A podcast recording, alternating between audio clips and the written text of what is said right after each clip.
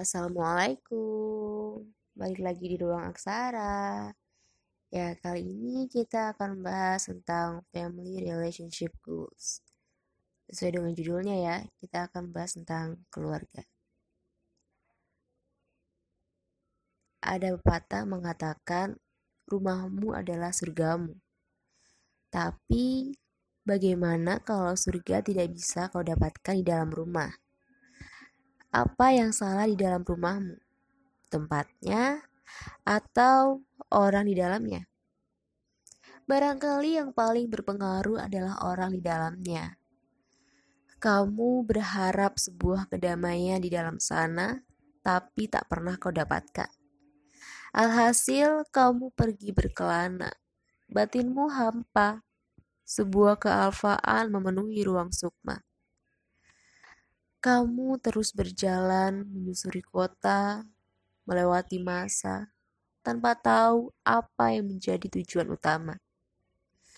Apa benar hanya sebuah jalan untuk menemukan damai, atau sebuah pelarian dari rasa kecewa yang membumbung tinggi?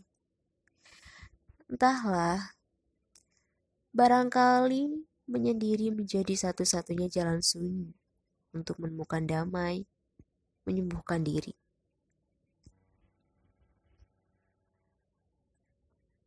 Setiap anak terlahir dari rahim seorang ibu. Watak yang dimiliki juga tak jauh berbeda dari orang tuanya. Seperti kata pepatah, buah jatuh tak jauh dari pohonnya. Jika diberi pilihan, tentu kita akan memilih lahir dari rahim seorang ibu yang memiliki akhlak seperti Aisyah.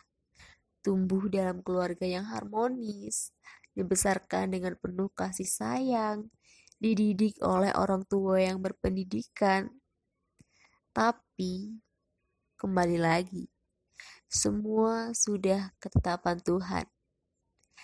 Seburuk apa pun keadaan dalam rumah, jangan pernah menanam bibit kebencian. Apalagi sampai mengutuk takdir Tuhan.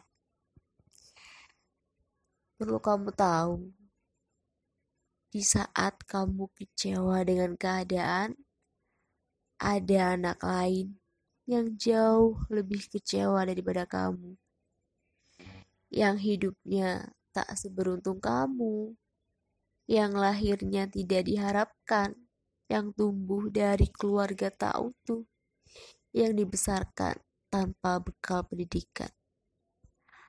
Ada keluarga lain yang mungkin sedang hancur-hancurnya, yang meregang ego dengan penuh amarah, yang saling meninggalkan satu sama lain, yang terlihat utuh padahal rapuh. Ketika salah satu inginmu tak sejalan dengan mereka, lantas kamu marah, memutuskan meninggalkan rumah, dan berpikir mengakhiri hidup saja.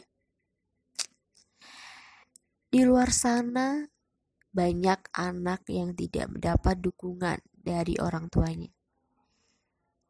Sama sekali, bukannya diberi pilihan lain, melainkan sudah tidak ada rasa peduli kamu dibiarkan berjalan sendiri, menemukan arah jati diri, sampai lupa apa yang sebenarnya sedang dicari.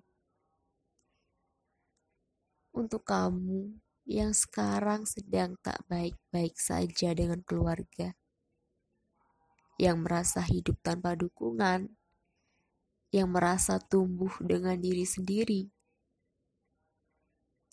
tidak apa-apa kamu tidak sendiri. Masih ada aku, juga mereka yang sama-sama pernah dan sedang berada di fase yang sama. Yang kuat ya.